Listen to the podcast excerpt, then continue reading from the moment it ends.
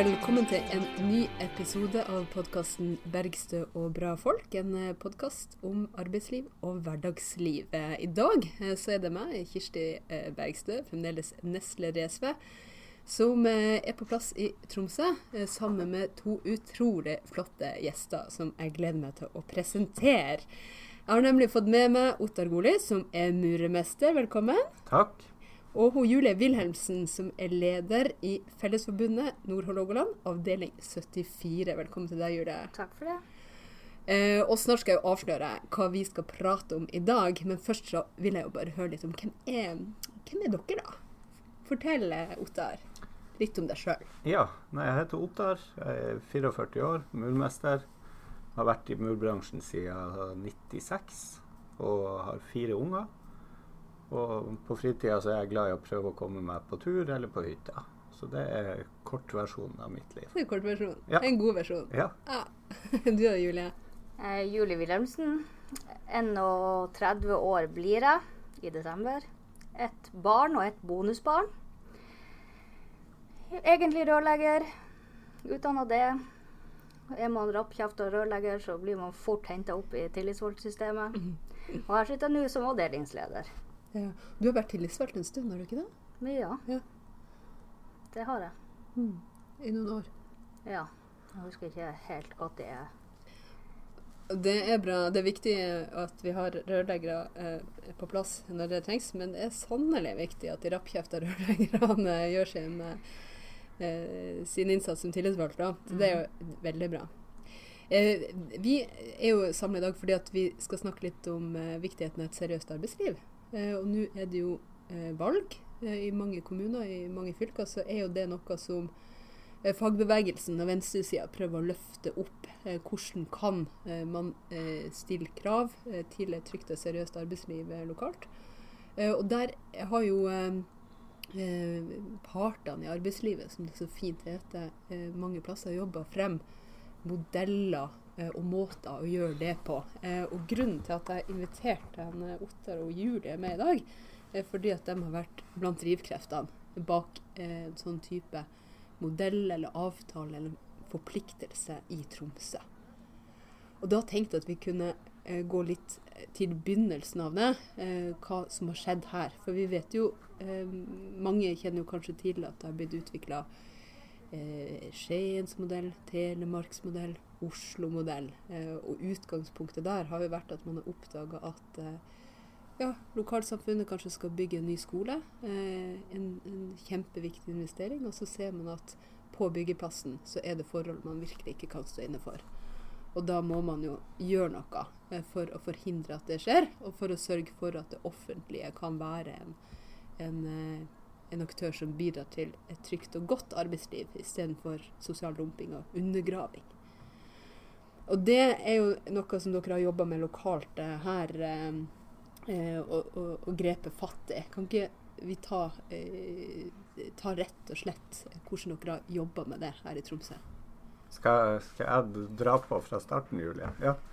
Nei, mm, det starta vel eh, Her i Tromsø så starta det med Jeg satt i landsstyret for Norske murmestere tidligere. Og vi har jo sletta i murfaget på landsbasis med rekruttering i veldig mange år. Og i Oslo så så vi at de innførte Oslo-modellen, som stiller Kortversjonen er at det stilles krav til fagbrev, det stilles krav til lærlinger, og det stilles krav til fast ansatte. Og antall ledd du kan ha av underentreprenører. Så det er rett og slett en modell som eh, gjør det at det blir en konkurransefordel å ha fast ansatte og lærlinger, i stedet for at det blir en, en ulempe. Eh, så hadde vi jo rødt styre i Tromsø med, med Rødt og SV og Arbeiderpartiet som satt med makta. Og jeg satt som bedriftseier her i Tromsø og så på anbud som Tromsø kommune sendte ut. Og oppdaga at det var ingen krav i det hele tatt i, i anbudsdokumentene. Og da tenkte jeg at eh, det her, sånn kan vi jo ikke ha det. For, eh, for det har jo vært mye snakk om altså det, er ikke, det er ikke noe hemmelighet at eh, de partiene på venstresida er en, en tilhenger av å unngå privatisering og er en tilhenger av å stille krav. Og det var jo veldig mye snakk i media om krav innenfor helse og omsorg og de tingene der. Og så tenker jeg da må vi jo klare å få på plass noen krav innenfor bygg også. Så jeg ringte hun Julie faktisk, og så fortalte jeg det her.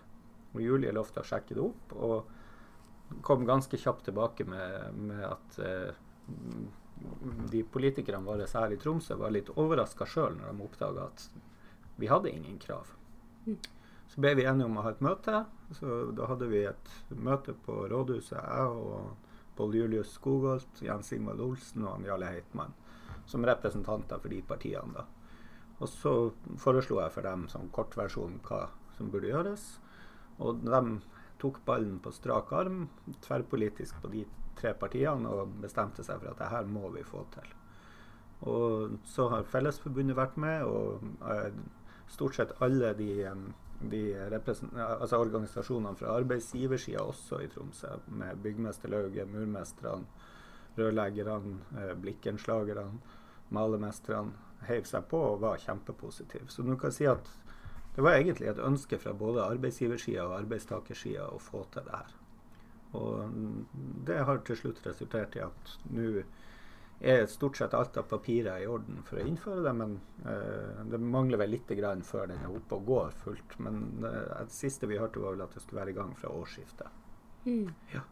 Fordi når man ser at det er anbud som er, som er lyst ut uten at det er noen krav, hva, eh, hva innebærer det egentlig? Det innebærer at bedrifter som ikke har eh, arbeidsstyrken sjøl, regner, regner, lavt. Og får de anbudet, så hanker de tak i det som kan krype og gå av folk. Og presser prisene ned på den måten og får oppdragene. Mens de bedriftene som satser på en fast arbeidsstyrke med, og satser på lærlinger, de eh, blir tapere i sånne typer konkurranser. Fordi det kun er pris som man skal konkurrere på? Ja. Mm. Og, og, vi ser jo jeg, vi, vi, hadde jo noen gode diskusjoner. Det, det er jo ikke alle som er positive til det. Vi, vi, har jo Fra enkelte organisasjoner på arbeidsgiversida òg, så har vi jo møtt kjempemotstand. Men, men, jeg sa i en debatt vi hadde på det her, at jeg er helt sikker på at eh, det her er god økonomi for Tromsø kommune også. For det er mye skremselspropaganda med at det blir mye dyrere. Men men du må, se, du må, se, det store bildet. Du må ikke bare se på at eh, ja, anbudene kan finne på å bli bitte litt dyrere, men samtidig så, du, så blir det eh, konkurransefordeler av lærlinger. Og da blir lærlinger attraktive. Og når lærlingene blir attraktive, så går betingelsene til lærlingene opp. Bedriftene satser mer på å ta vare på lærlingene. Og når det ryktes, så blir det òg bedre søkertall. Og det sa jeg på forhånd. Det som kommer til å skje, det er at det kommer til å gå ned arbeidsledighet blant ungdom. Vi kommer til å få høyere søkertall til byggfag, og vi kommer til å få flere lærlingbedrifter. Og alle de tingene har allerede skjedd før modellen er innført. For næringslivet snur seg fort. Mm. Det har vært flere store annonsekampanjer i avisen her lokalt hvor bedrifter som tidligere har hatt mye innleie, nå oppfordrer ufaglært ungdom eh, som har bomma med utdanningsvalg, til å søke plass hos dem for å få seg utdanning. Så, så denne modellen treffer, det er det ingen tvil om. Med denne modellen så mener jeg at, at uh, kommunen også er med på å være en samfunnsbygger. Ikke bare i det offentlige, men også i det private næringslivet. For får alle like konkurransevilkår, sant, så er det ikke Det er ikke pris de kan knive på. Det er liksom seriøsiteten. Altså, du vinner ikke anbudet. Har du ikke lærlinger, har du ikke faste ansatte. Så det, det er viktig. Ja, for det er jo et spørsmål om hva det er vi skal konkurrere på, mm. eh, og hva vi skal konkurrere om. Og vi ser jo at det er jo veldig vanskelig for eh, bedrifter som ønsker å drive seriøst, eh, å konkurrere med, med, med, i anbud med noen som ikke har noen egne ansatte, bortsett fra kanskje noen sjefer på toppen. Mm. Eh, og, og, så er det jo så klart forskjell på det å være lærebedrifter og ta ansvar for fagopplæring og fremtidas eh, fagarbeidere.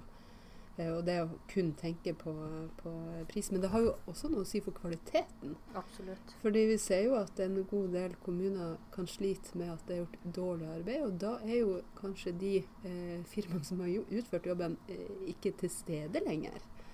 Eh, og det er jo noe man man merker. Og det er jo veldig dyrt å, å bygge eh, nye bygg som, som, ikke rett og slett eh, holder mål, en faglig standard. Absolutt. Jeg, jeg, jeg bruker jo å si det, det, det er jo veldig mye snakk om i Norge hva skal vi leve av etter oljen. Og da tenker jeg at det, det første vi kan gjøre, det er jo å sørge for å ta vare på de tingene vi, vi allerede kan leve av. Mm. Og si at man er bekymra for hva vi skal leve av etter oljen, og man er bekymra for å få nok arbeidsplasser. Og så har vi eh, prognoser som sier at vi kommer til å mangle 10 000 fagarbeidere innenfor bygg og anlegg allerede om ti år. Mm. Og vi leier inn masse, masse utenlandsk arbeidskraft. Og så har vi norsk ungdom som går arbeidsledig. Ikke sant? Det, er jo, det er jo galskap. Da må vi jo legge til rette for å få dem inn i, i jobber som allerede finnes. Vi kan ikke drive og ende opp som en sånn her eh, arabisk land hvor, hvor, vi skal ha en liten elite som er styrtrykk og lever av olje, og så, og så importere arbeidskrafta vår fra, fra lavkostland. Det går ikke. Hva har sånn type krav å si for, for dine medlemmer, Julie? Det har alt å si. Mm. Har de en jobb, en fast jobb, så har de jo et, altså muligheten til å ha et liv utenom.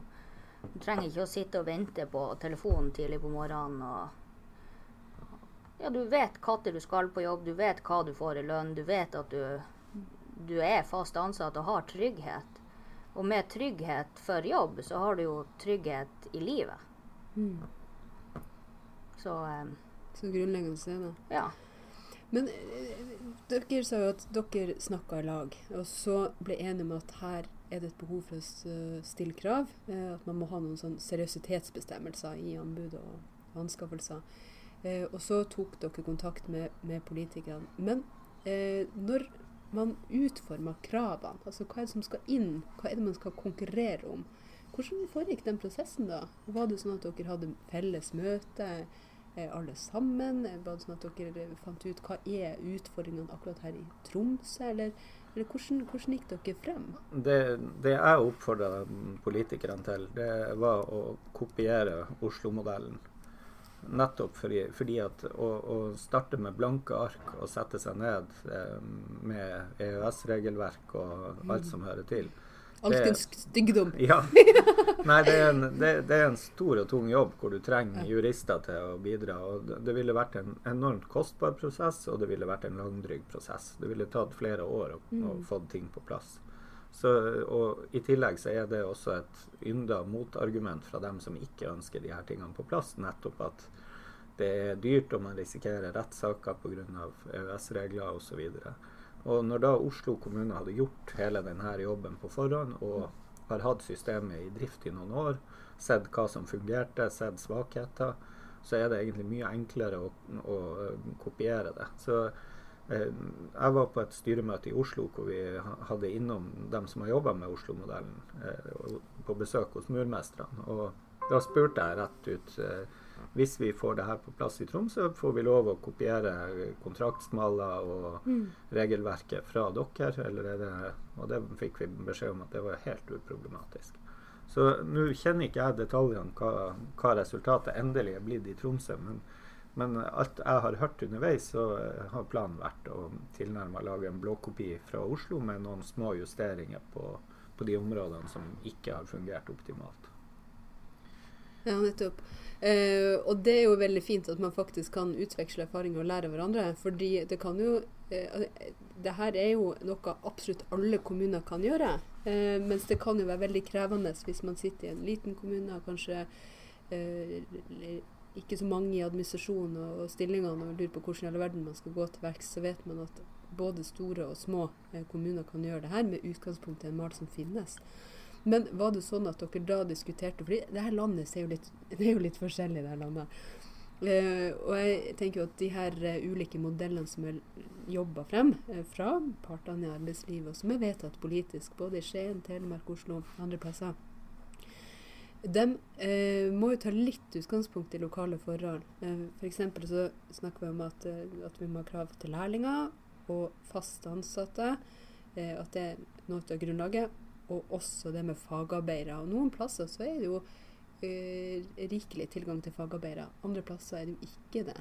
Var det sånn at dere liksom gikk gjennom punkt for punkt, og så hva er det som passer for vår eh, situasjon, eller, eller hvordan gjorde dere det?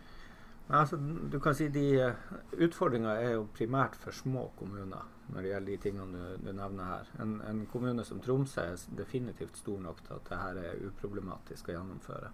Men, men eh, at Oslo-modellen kan innføres i alle norske kommuner, det er jeg ikke sikker på om vil være lurt.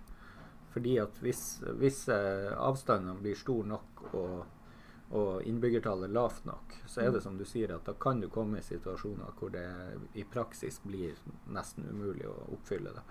Så det i hvert fall jeg mener man bør gjøre, det er jo å ha Oslo-modellen som et utgangspunkt, men, Mm. men åpne for at man eh, i tett samarbeid med spesielt opplæringskontorene eh, lager dispensasjonsordninger for småkommuner, altså en litt forenkla versjon. Sånn, fordi at det er ikke tvil om Man ønsker jo ikke å gjøre det umulig for, for kommunene å bygge. Mm. Og man ønsker ikke at, at du skal måtte importere fagarbeidere per fly 150 mil for å opp, oppfylle kravene. Da bommer man jo. Så, sånn at småjusteringer, ja. Men, men eh, kommuner med en viss størrelse bør innføre det her, etter min mening.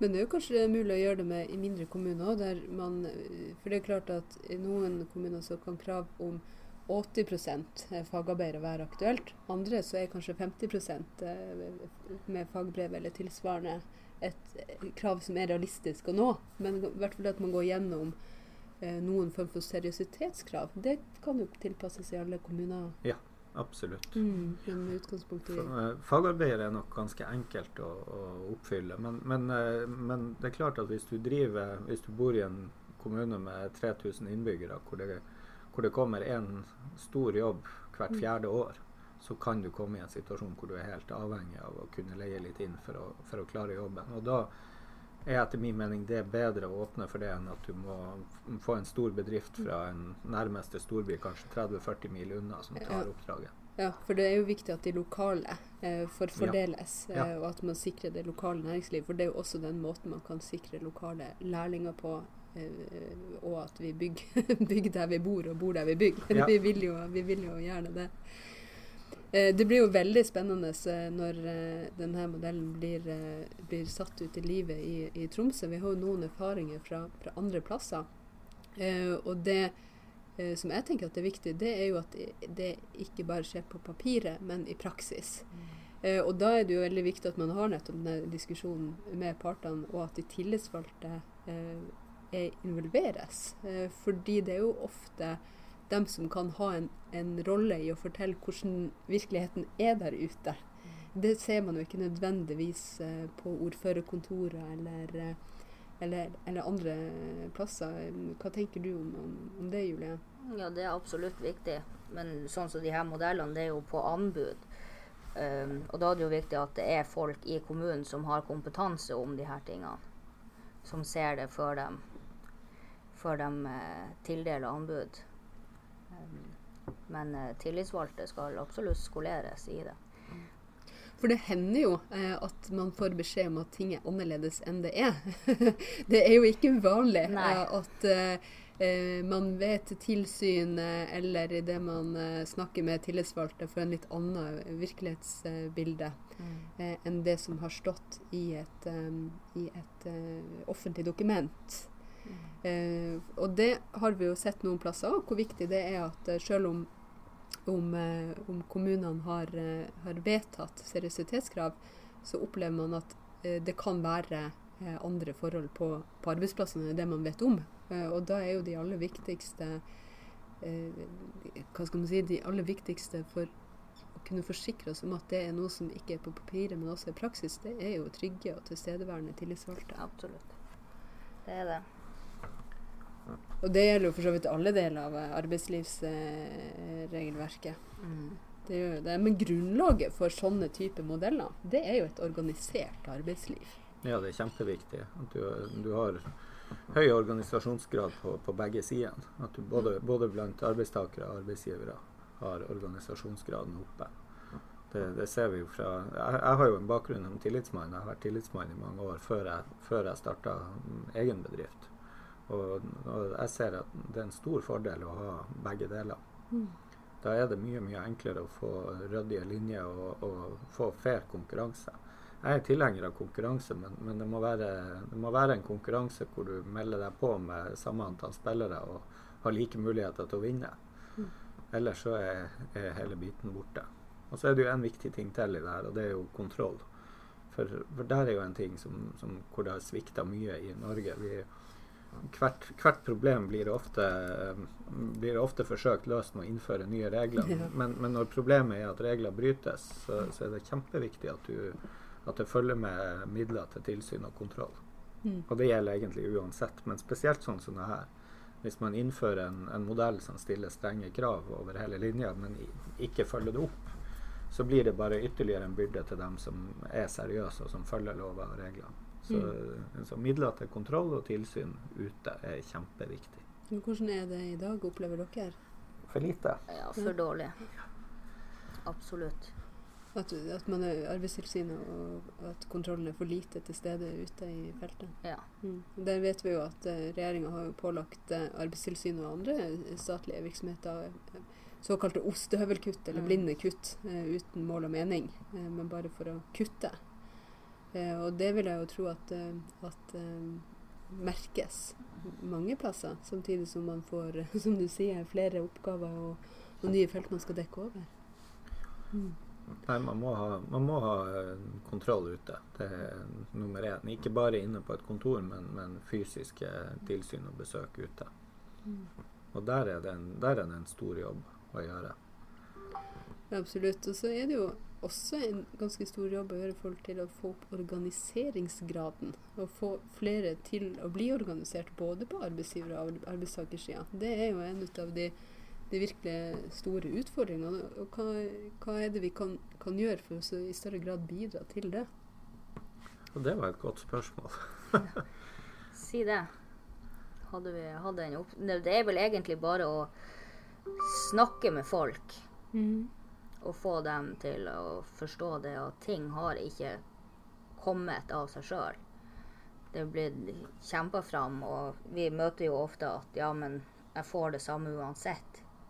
Og så bare Ja, men de, det du har, blir ikke alltid å være der hvis du ikke er med å forsvare det. Mm. Og det er jo Da skjønner de jo litt mer hva, hva greia er med å være organisert. Ja. Jeg var på en arbeidsplassbesøk for litt siden med, med handel og kontor. Og da snakka jeg med ei tillitsvalgt eh, på en butikk. Altså, var, på den butikken var ni av ti organisert. Og så, så, sier jeg ja, hva er det du gjør for å få folk til å bli medlem? Så sier hun sånn nei, da ser jeg på dem, og så spør jeg syns du det er riktig at jeg skal betale eh, for de godene du får. Eh, og da spiller på solidaritet og samholdsfølelsen. Men hvis man skal få til det, så er det et utgangspunkt at noen er organisert og kan ta den praten eh, i utgangspunktet, da. Mm. Fordi eh, det er, jo, eh, det er jo en utfordring for, for um, både å kunne få til den typen modeller, kunne sikre trygt og godt arbeidsliv, så er vi jo veldig avhengig av det. Og nå har vi jo en regjering som snakker ned det å være organisert, og som lover skattelette. De eneste de har gitt garanti om at ikke skal få skattelette, er jo den som er organisert. Og at det ikke skal bli noe billigere å være, være medlem i en fagforening. Eh, mens eh, direktørene og, og, de på toppen eh, får, får, mer enn nok eh, i skattelette fra dem. Eh, så det er jo klart at for dem som har lav lønn, så er jo særlig det og, hva det koster å være organisert, og om man får trukket det fra på skatten eller ikke, det har jo kanskje noe å si. Mm. Men min erfaring er også at veldig mange ikke rett og slett har hørt om fagforeninger. Mm. Eh, og at det er jo kanskje det aller viktigste man kan gjøre. Å snakke opp, snakke frem og, og gjøre kjent det at det er muligheter Eh, for å ta del i et større fellesskap mm. enn en seg sjøl. Og at det er der trygghet i arbeidslivet virkelig ligger. For de lover, de er jo bare en trygghet i det de overholdes. Ja, mm. de er det. Men hvis vi ser litt på de Du trakk jo frem eh, altså de her Oslo-modellen, Telemarksmodellen, Skies-modellen. Det er jo veldig mange punkter ikke sant? I, I, de, og det er jo ikke mulig å gå inn på alle. Men det er jo noen som er viktigere enn andre. Og da trakk jo eh, trakk du frem det med eh, lærlinger. Eh, og der vil jo mange kanskje eh, si at eh, men det er så vanskelig å bli lære, lærebedrift, eller det er så eh, krevende å få tak i, eller, eller den typen ting. hvis man er en liten bedrift, eller hva, hva, tenker, hva tenker, du om det? Det, det, er ikke vanskelig å bli en lærebedrift hvis, du, hvis du vil og hvis du driver seriøst. Men, men det er, som, har skjedd for min del, det er jo nettopp det at det ikke har vært de kravene. Så har, eh, har de små lærlingbedriftene på en måte blitt en eh, gratis utdanningsinstitusjon for større bedrifter. Så f- for min del, jeg har jo drevet en murebedrift i tolv år og hatt lærlinger hele tida. Og de, sånn som lærlingeløpet er organisert i Norge i dag, så er det veldig kort tid å, å jobbe i to år for å få en flink håndverker. Så i realiteten så kan du si at du får et fagbrev etter to år hvis du består svenneprøven, men du, du har enda mye igjen å lære. Og det er jo livslang læring, kan, læring, kan du si. Men de fleste de blir eh, fullverdige, flinke fagarbeidere som er i stand til å mestre hele faget tre, fire, fem år etter de har tatt svennebrevet. Og dem som er flinke, og som har vært i jobb hos deg en tre, fire, fem år etter svennebrev, de er veldig attraktiv arbeidskraft for folk som driver stort, og som har veldig mye ufaglært innleie. Mm. For skal du ha springende en drøss med folk som ikke egentlig kan det de holder på med, så trenger du noen som virkelig kan det. Så, sånn at det, med at du ikke har hatt noe krav til stede, så, så har de, de flinkeste unge fagarbeiderne forsvunnet vel, i stor grad fra veldig mange av de små, gode lærebedriftene. De blir rekruttert til de store som driver med mye innleie. Så når du får på plass de, de kravene her, så må de store ha lærlingene sjøl. Og da øker også sjansen for de andre til å beholde sine lærlinger videre oppover. For, eh, for det, er jo, det er jo sånn du får det her til å fungere. Det er jo at du i en liten bedrift tar inn en lærling, lærer han opp, får han opp som fagarbeider, og så når han er klar for det, så får han igjen ansvaret for en ny lærer, lærling. Og sånn går det. Sånn har det gått. I mitt fag har det pågått sånn i ca. 12 000 år nå. Og det har Mm. fungert helt utmerket helt til de siste 20 årene. Hva har skjedd da? Nei, nå har man fått en eksplosjon av, eh, av ufaglært arbeidskraft Mm. som kommer. Og, og de lærlingene som vi har lært opp, eh, blir da, som jeg sier, rekruttert opp til større bedrifter. Og de får jo vanvittig godt betalt. Og det er jo bra, men, men det du har ikke råd å betale alle dine ansatte sjefslønninger når du driver en liten håndverksbedrift. Da er du avhengig av å betale en normal fagarbeiderlønn. Mm.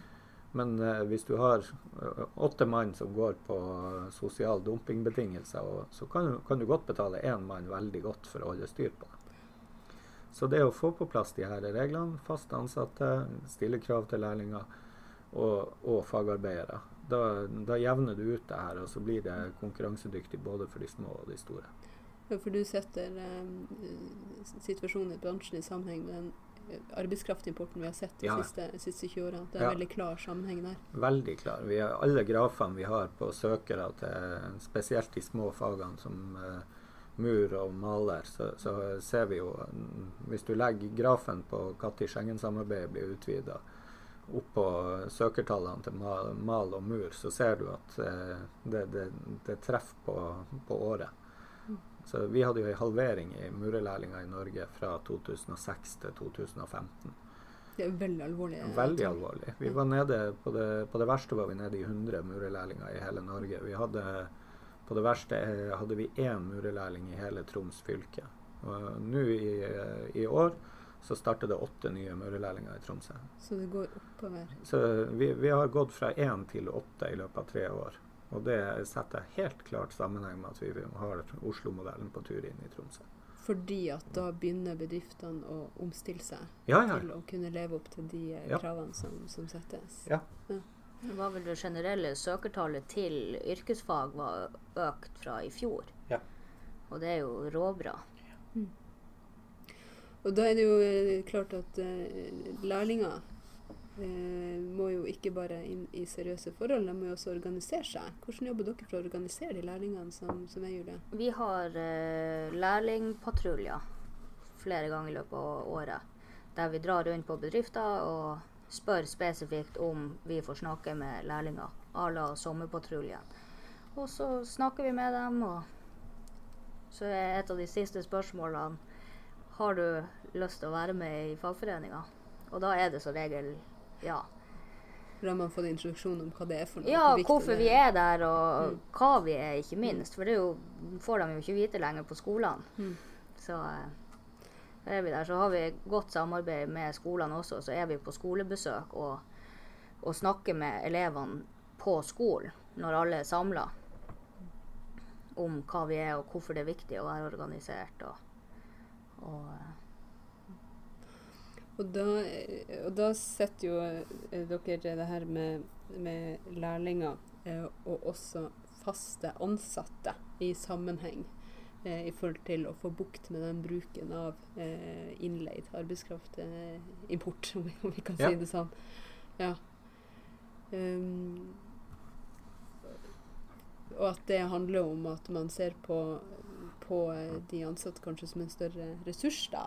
Eh, Enn en, enn- enn den bruk-og-kast-mentaliteten man, man ofte har i, eh, i den massive bruken, bruken av eh, innleie. Eh, Hva, tenker, hva har det å si at man stiller krav til, til faste, eh, faste ansatte? det har alt å si. Absolutt. Det har jo kommet nye innleiebestemmelser eh, som tredde i kraft 1.7, om at bedrifter med tariffavtale kan leie inn, men da med avtale, skriftlig avtale med tillitsvalgte med spesifikke krav. Så regel så er det ikke grunnlag for å leie inn. Det er det ikke. Det er grunnlag for å ansette. Men så har man jo tilfeller der det ikke er mulig å få tak i den, sånn som småkommuner. ikke sant, der det. Og da er det jo grunnlag for å leie inn. Men sånn som her i Tromsø, så bedriftene her kan jo, kan jo vokse mer enn det de, det de gjør, uten å være nødt til å leie inn. De må ansette fast. Og det gjør, det gjør jo noe med folk også. Det ser du jo ved, hvis du er ute på brakkerigger på de større byggeprosjektene og ser de bedriftene som har mye innleide. De, de, som er ansatt i bedriften, de sitter på ett pausebord med klærne og uniformen til den bedriften de jobber i. De som er innleid, sitter på et eget bord med logo fra utleiefirmaet.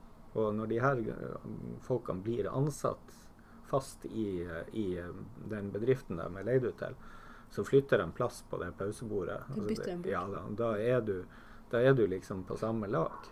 Og det, det gjør noe med arbeidsmiljøet. Det, det er jo også et element i forhold til lærlingene. Altså, vi har jo tidligere hatt lærlinger som har begynt og som har slutta igjen fordi de har det første halve året sittet i alle pausene sine sammen med seks, syv, åtte mennesker som de ikke har vært i stand til å kommunisere med Pga. språk? pga. språk. Og det, det, det, det sier seg sjøl at du, det er ikke et yrke du har lyst til å ha resten av livet hvis du ikke kan kommunisere med, med de kollegaene dine på arbeidsplassen. Så, og, og i det øyeblikket folk blir fast ansatt, hvis, hvis en polakk eller en latvier eller en fra Litauen blir fast ansatt i en norsk bedrift, så er det klart da ønsker han å lære seg språket. For da er det da er det, det her som er fremtida hans.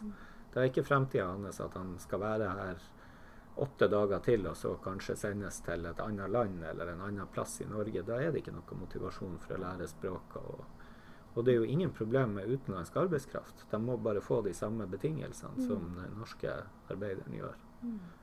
Da er alt i orden. Ja, det er jo lønns- og arbeidsvilkårene som er, Ja. som er viktig. Det er jo eh, en stor diskusjon rundt det med, med innleie. Nå har vi fått eh, de nye bestemmelsene. eh, Og så er det jo noen av oss som- vil gå lenger. SV ønsker jo å forby den kommersielle bemanningsbransjen.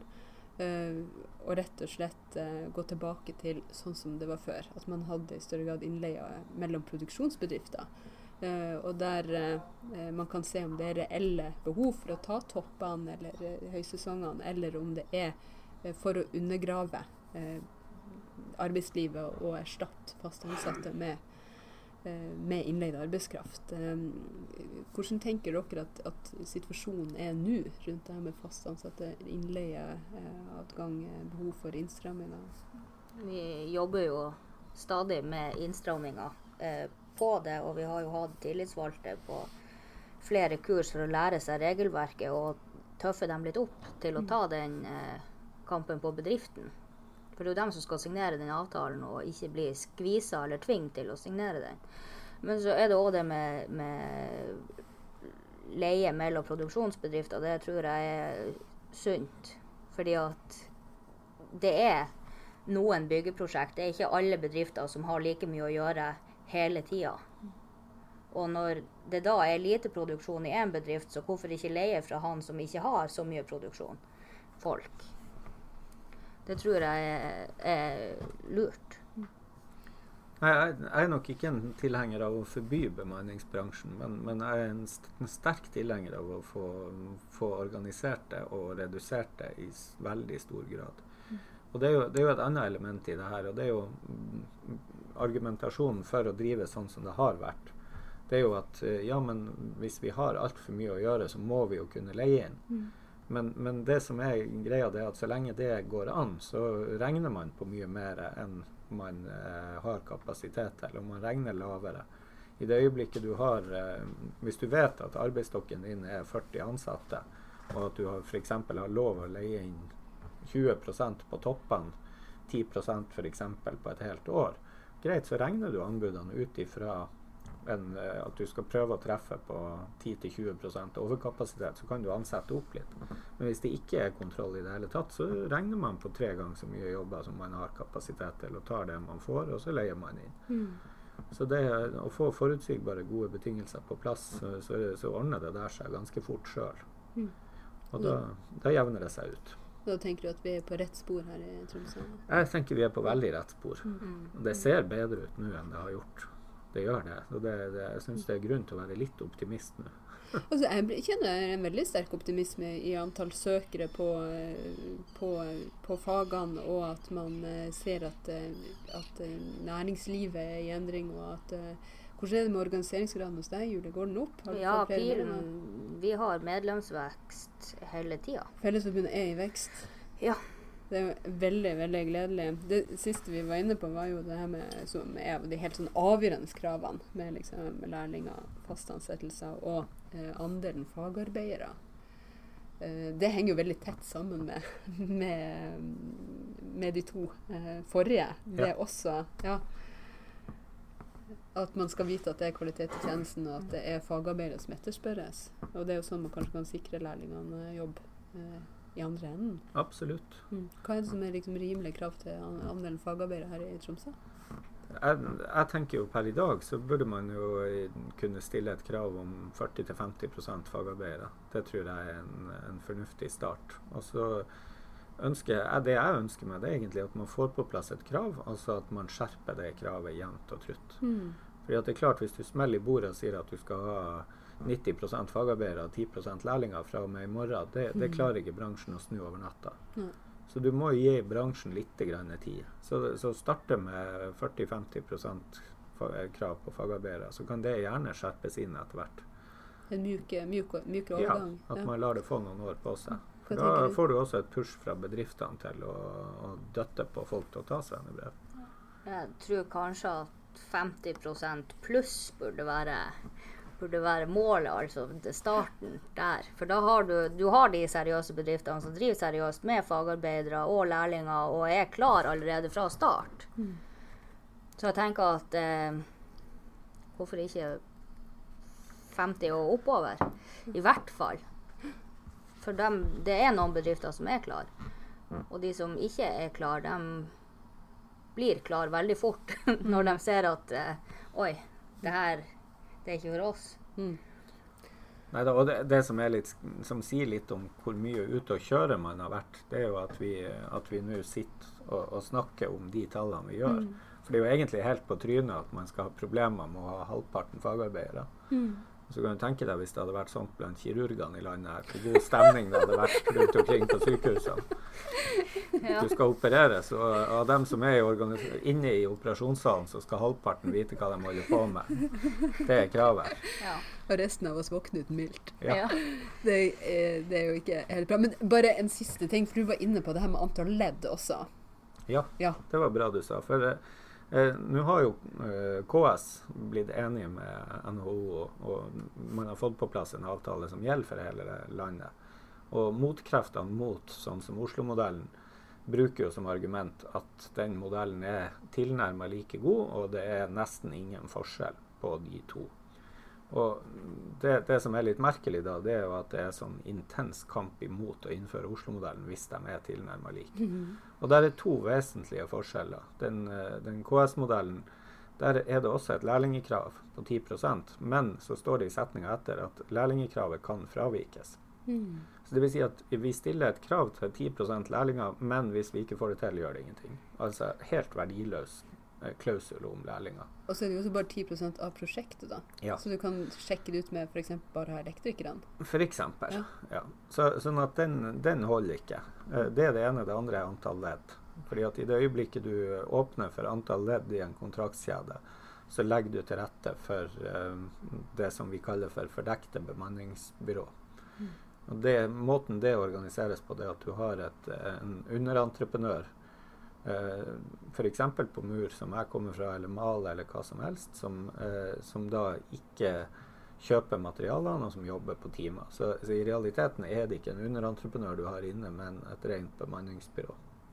Så det å få antall ledd bort er kjempeviktig. Det vil si at hvis du, hvis du da skal være underentreprenør på en murentreprise, så må du drive et murefirma og ha murere ansatt. Skal du ha en underentreprise på tømmer, så må du ha tømrere ansatt og osv. Så, videre. så Så det med antall ledd er en kjempestor forskjell i de her forskjellige modellene. Derfor er jeg veldig glad for at vi får Oslo-modellen i Tromsø. Mm. For det handler om gjennomsiktighet. At Ja. du faktisk kan se. Ja, Vi ser jo det, altså, vi har jo sittet og sett på, på bedrifter som har jobba som underentreprenører. Hvor, eh, og, og det er klart, hvis en bedrift omsetter for 35 millioner og har 75 ansatte og har handla byggevarer for 1450, så er det ikke en underentreprenør, det er et bemanningsbyrå. Og det er mange sånne i, i bransjen. Og dem detter igjennom når du får bort det ene leddet i kontraktskjeden. Da kommer ikke de bedriftene i posisjon. Så antall ledd er kjempeviktig å ha kontroll på, og en kjempestor forskjell på de to, de to avtalemodellene. Men også det i forhold til lærlinger. At du må ha lærlinger i den bedriften som gjør jobben, og på det prosjektet som, som gjøres. Så det, det her viser jo hvor eh, viktig det er med faglig-politisk samarbeid. At fagbevegelsen og partiene går i lag om å finne gode, praktiske løsninger som gjør arbeidslivet bedre eh, for, eh, for, eh, for folk, og som skjerper både faglighet og, og framtida for, for fagarbeidere. Eh, jeg har jo et fast eh, spørsmål eh, mot slutten, og dere må jo også få det. Det som vi alltid stiller her i, podkasten, og det er jo liksom hva, hva var din aller første jobb? Ottar, hva, hva var din første jobb? Ja, du, du var jo så snill at du sladra på forhånd, så jeg har, jeg har sittet nå og grua meg til det. Jeg er, ikke, jeg er ikke helt sikker, men jeg tror faktisk jeg detter ned på Når jeg var 14 år, så hadde jeg sommerjobb som ridelærer. Så det tror jeg var Var du ridelærer? Ridelærer, ja, oppe i Finnmark. Hvor hen da? I Levajock? Nei, i eh, Stabbursnes. Der hadde vi noen islandshester som jeg drev og styrte med noen, noen somre. Så jeg, jeg jobba litt grann som, eh, med sommerjobb der. Så du sånn heste, hestemann? ja, Hestegutt? jeg var det. Ja. Ja. Ridelærer når du. 14? Så det må være første lønna jobben jeg har hatt, som jeg klarer å komme på, i hvert fall. Det vil jeg jo tenke komme med sånn her en, da, jentedraggaranti. Ja, det, det, Ja. det funka greit. Ja. Ja. Ja. Men det skal sies, det var ingen krav til, til fagarbeidere i, i den tida der. Jeg tror ikke jeg var faglært ridelærer. Ne, Du var kanskje ikke organisert noen plass heller? Ikke da, nei. Nei. Enn du da, Julie? Jeg var eh, ryddehjelp på et gatekjøkken her i Tromsø. Ja.